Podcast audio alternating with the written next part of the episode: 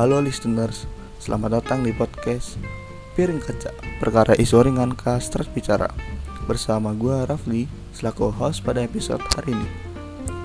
E, Pada episode kali ini, gue mau ngebahas isu mengenai KPI yang meloloskan tayangan live pernikahan Atta Aurel Hmm, keren bos. Nikahan uh, ditayangin secara live di TV bos. Ya uh, tayangan televisi live pernikahan Atta Aurel alias Atta Arintar dengan Aurel Hermansyah dikritik oleh Koalisi Nasional Reformasi Penyiaran Indonesia. KNRP mengatakan Komisi Penyiaran Indonesia nggak tegas sama rangkaian acara yang tayang di frekuensi televisi milik publik. Namun KPI malah sibuk meminta dasar aturan supaya bisa awasi konten podcast dan konten TikTok yang bukan tanggung jawab mereka. Aneh. Mereka malah menutup nutupi dengan ya mencari hal yang lain agar tidak terkena masalah mungkin. Rencananya urusan nikah Atta Aurel tuh ditayangkan secara eksklusif di salah satu televisi swasta. Mulai dari acara lamaran, siraman, hingga akad nikah. Aneh. E, ke perwakilan KN, KNRP Lestari Nurhayati menolak acara tersebut karena nggak menyangkut urusan publik. Kenapa?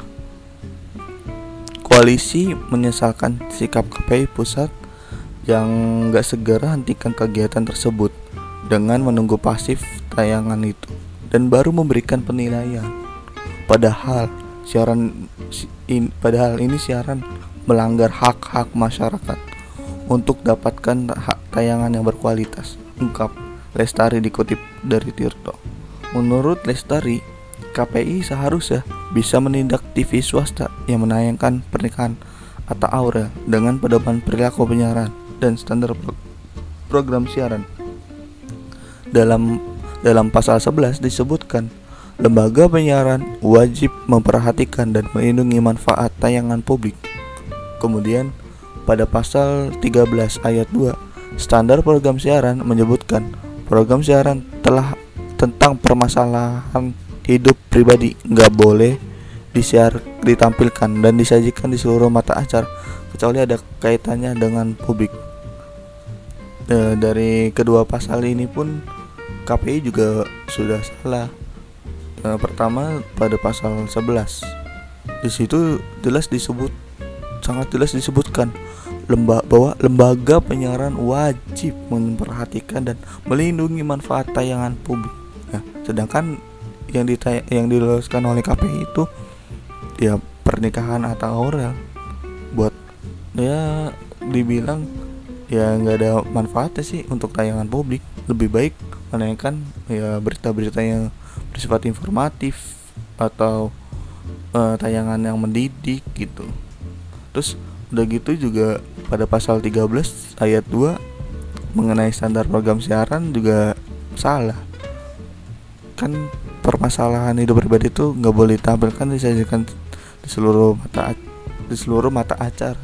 Kecuali ada kaitannya dengan publik ya mungkin karena apa gitu. E, kayak modelnya ya misalkan si A mau ngebayar apa bayar pajak tepat waktu nah itu kan itu termasuk sebuah apa manfaat.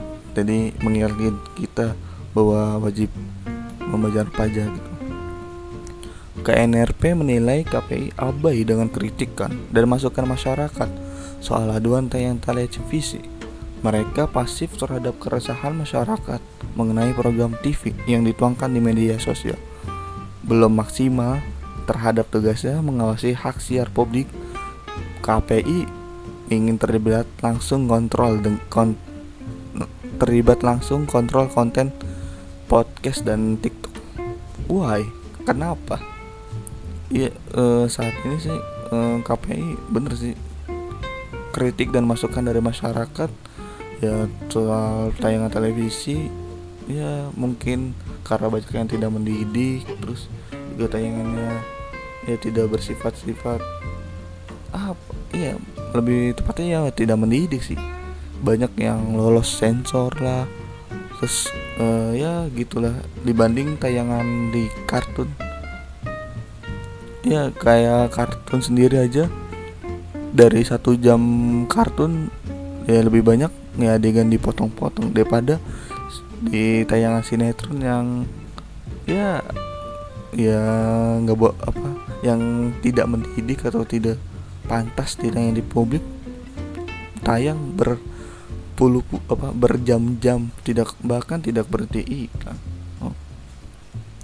KPI juga KPI berencana ikut mengatur konten podcast dan TikTok pada Rabu 10 Maret 2021 KPI menyatakan ingin diberikan wewenang mengawasi konten media baru seperti podcast dan TikTok.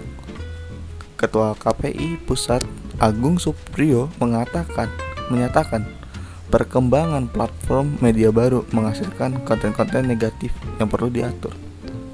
Ia berharap KPI bisa ikut bertanggung jawab dalam konten tersebut dengan proporsi jelas tanpa mengekang kebebasan berekspresi dan kreativitas. Sementara itu, Undang-Undang Nomor 32 Tahun 2002 tentang penyiaran tidak ada kewenang mengatur media ini. Jadi ada kekosongan mengenai media baru ini padahal media baru memerlukan pengaturan e, menurut ungkapnya.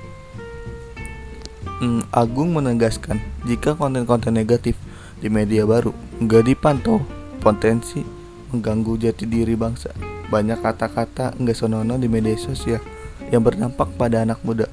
Di TikTok misalnya, banyak ditemukan kata-kata yang tidak pantas sehingga tidak bisa dipungkiri akan mengubah perkembangan khususnya anak-anak. Dan ini jadi pekerjaan rumah yang harus diselesaikan, kata Agung dikutip dari website KPI. Boleh aja sih. Kalau misalkan mereka mau ngawasi cuman cuman ya eh, sekali lagi nih Pak kepada Bapak Ketua KPI eh, Bapak Agung. Kalau misalkan mendengarkan podcast saya eh, saya mohon buat balikan lagi kartun-kartun di hari Minggu. Kalau enggak ya tayangan sinetron ya dikurang-kurangin lah adegan-adegannya. Bapak kan mm, Bapak mau ngawasi konten-konten negatif di TikTok kan.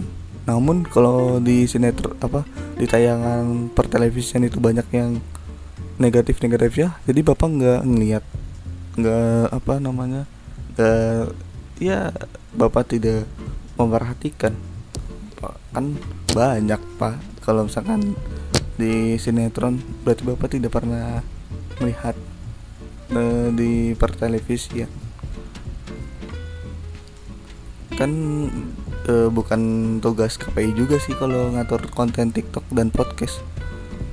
Uh, menurut Lestari, menurut Lestari menyatakan kontrol KPI terhadap konten media baru sudah keluar dari tata aturan. Pasalnya, tugas KPI mengawasi frekuensi tayangan yang menyangkut hak publik seperti televisi dan radio. KPI ini yang jadi tugas pokoknya untuk pengawasan frekuensi publik belum dijalankan dengan benar. Sudah meminta pekerjaan lain kok bisa berpikiran kayak gitu ya tutur ya? Iya benar.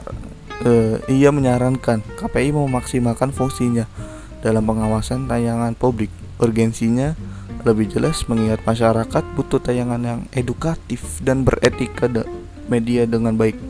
Daripada harus menambah beban awasi konten media baru di internet.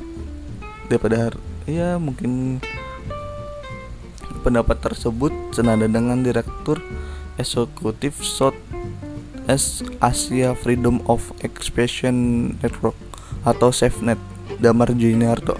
Menurutnya, KPI sudah berkali-kali ingin mengambil domain yang bukan wewenangnya tanpa landasan hukum yang jelas. Pengawasan media baru di internet merupakan tugas Kementerian Komunikasi dan Informatika atau Kemen Kemenkominfo. Hmm, kalau kalian ingat, KPI tahun lalu berusaha untuk mengawasi konten Netflix dan YouTube. Namun hal ini juga mendapat kritikan yang sama dari pengamat media. Damar menyayangkan KPI melalaikan tugas utamanya mengurusi acara televisi pernikahan Atta Aurel. Penayangan acara alamaran Atta Aurel dan Aurel Hermansyah ini malah tidak jadi perhatian KPI. Padahal tugas mereka ada pada pengawasan hal ini. Tegas Damar kepada asumsi. E, pesan Damar KPI, kepada KPI, pesan Damar kepada KPI. KPI nggak terlalu buruk nggak terlalu berburuk sangka dengan perkembangan media baru. Banyak sisi positif yang perlu dipandang bijak seperti kemudahan akses kebebasan berekspresi dan kreativitas di ruang publik maya. Hmm, jadi eh, buat apa juga sih bener.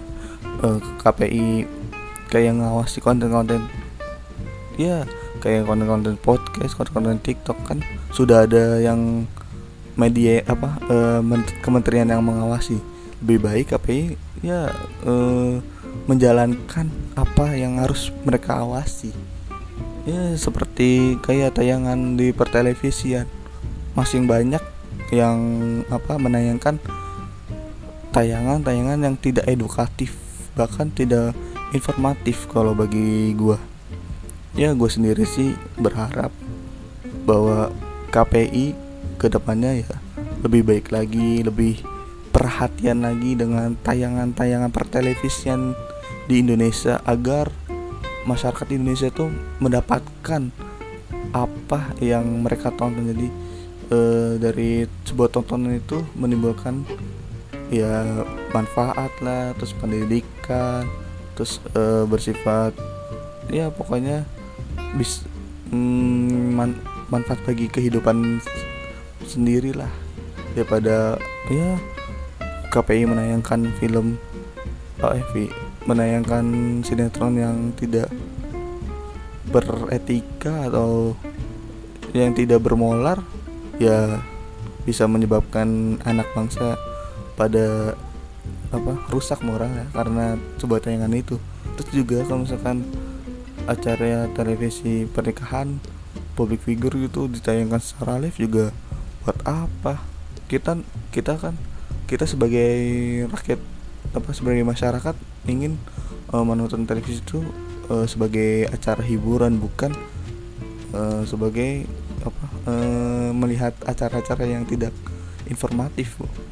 Jadi uh, apalagi kalau misalkan dalam kondisi kayak gini banyak banyak acara yang ya mungkin yang tidak apa ya pokoknya tidak mendidik lah Oke, okay, eh, mungkin Oke, okay, mungkin cukup segitu saja podcast pada episode hari kali ini. Terima kasih yang sudah mendengarkan dari awal sampai akhir.